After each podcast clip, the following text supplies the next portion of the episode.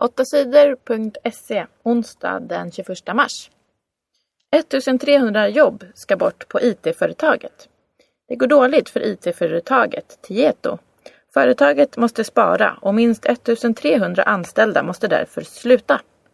Vi behöver spara för att kunna tävla med andra företag, säger Tietos Sverigechef Eva Gidlöf.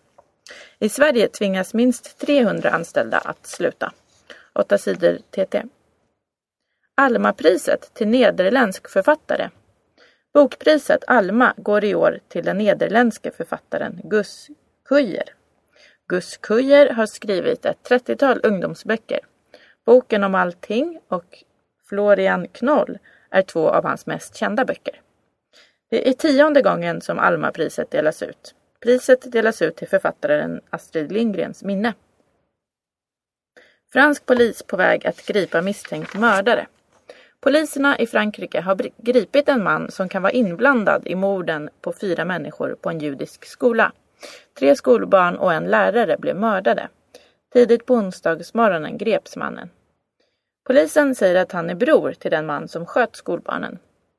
Poliserna har omringat ett hus i Toulouse där den misstänkte mördaren finns. Mannen ska ha skjutit och skottskadat två av poliserna. Mannen i huset är också misstänkt för att ha skjutit tre franska soldater i förra veckan. Franska poliser säger att mannen i huset är medlem i den islamistiska terrorgruppen al-Qaida. Mannen är 24 år gammal och har ofta åkt på resor till krigsområden i länderna Pakistan och Afghanistan. Poliserna i Frankrike har känt till mannen sedan tidigare. 8 sidor TT. Franske skolmördaren lovar att ge upp idag. Många poliser är just nu samlade utanför ett hus i den franska staden Toulouse. Eh, I huset gömmer sig en 24-årig man som är misstänkt för att ha skjutit ihjäl tre judiska barn vid en skola. Mannen dödade också en lärare innan han flydde iväg på skoter. Mannen är mycket farlig. Han är också, han är också misstänkt för att ha dödat tre fransk-arabiska soldater. Två poliser har blivit skadade i huset där mannen gömmer sig. Någon har skjutit mot poliserna inifrån huset. Poliserna har också hört ljudet av en explosion vid huset. Frankrikes inrikesminister säger att mannen har sagt att han kommer att ge upp i eftermiddag. Ministern säger också att 24-åringen har vapen med sig i huset, bland annat två automatvapen. Franska myndigheter säger att de visste att mannen tränat med terrorister utomlands. Han har tidigare gripits i Afghanistan, säger franska poliser till nyhetsbyrån AFP. Det är oroligt i Frankrike just nu. Om en månad är det presidentval. President Nicolas Sarkozy har lovat att mördaren snart ska gripas. Hatet får inte vinna. I Frankrike dödar man inte barn utan att komma undan, säger presidenten. På onsdagsmorgonen sprängdes en bomb utanför Indonesiens ambassad i Frankrikes huvudstad, Paris. Ingen människa blev skadad. Varför bomben sprängdes är inte klart. 8 sidor TT. Ingen cupfinal för Milan. Det italienska mästarlaget Milan är utslaget ur den italienska kuppen. Juventus och Milan spelade på tisdagen oavgjort 2-2 i den andra och avgörande matchen. Juventus vann den första matchen med 2-1 och går vidare till final. Zlatan Ibrahimovic skadade ryggen i första halvleken och spelade inte efter pausen. Men skadan är inte allvarlig, säger Milans läkare. Minst 40 dödade av bomber i Irak. Tisdagen blev en blodig dag i landet Irak. Under dagen sprängdes minst 14 bomber på olika ställen i landet. Fler än 40 människor dödades av bomberna. Nära 200 personer skadades.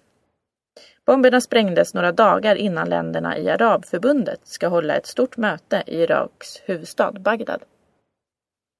Många ogillar den nya datalagen. Idag, onsdag, röstar politikerna i riksdagen ja till en ny lag som det blivit mycket bråk om. Lagen tvingar telefonföretag och dataföretag att spara uppgifter om alla telefonsamtal och meddelanden från telefoner och datorer. Uppgifterna måste sparas i sex månader. Meningen med lagen är att myndigheterna ska få lättare att stoppa terrordåd och andra allvarliga brott. Men många tycker att den nya datalagen hotar människors frihet. Massor av unga människor är motståndare till lagen. Redan nu ordnar ungdomar kurser i hur man kan skydda sig mot att bli övervakad på internet. Peter Sunde är dataexpert och en av grundarna av nedladdningssajten Pirate Bay. Han är en av dem som säger att människor nu måste skydda sig mot myndigheterna. Han vill på kurser lära folk hur man ska göra för att myndigheterna inte ska få veta vem man ringt, messat, mejlat eller skickat datafiler till. 8 sidor TT. Rebellerna i Syrien gör krigsbrott. I flera månader har det varit strider i landet Syrien. Rebeller har gjort uppror mot president Bashar al-Assad. Det har varit hårda strider mellan regeringens soldater och rebellerna i Fria syriska armén. Bashar al-Assad har fått hård kritik för våldet mot oskyldiga människor i Syrien. Många människor som inte haft något med striderna att göra har blivit skadade eller dödade. Men nu får även rebellerna hård kritik. Även rebellerna hård kritik. Den amerikanska människorättsgruppen Human Rights Watch säger att soldaterna i Fria syriska armén också gör krigsbrott. Rebellerna bryter mot reglerna för mänskliga rättigheter. De kidnappar, torterar och dödar oskyldiga människor, säger experterna i HRV. Risk för strejk i påsk. Det kan bli strejk i butikerna i påsk. Fackförbundet Handels medlemmar är missnöjda med sina löner. De begär att lönerna höjs med 3,5 procent. Arbetsgivarna vägrar gå med på det. De vill bara höja lönerna med 2,6 procent. Om fack och arbetsgivare inte kommer överens kan det bli strejk. 8 sidor TT. Romney vann nytt provval. Mitt Romney vann partiet Republikanernas provval i delstaten Illinois i USA. Romney ser ut att vinna ganska stort. När 60 procent av rösterna var räknade ledde han klart. Romney hade fått 47 procent av rösterna. Hans svåraste motståndare Rick Santorum hade fått 35 procent av rösterna. 8 sidor TT.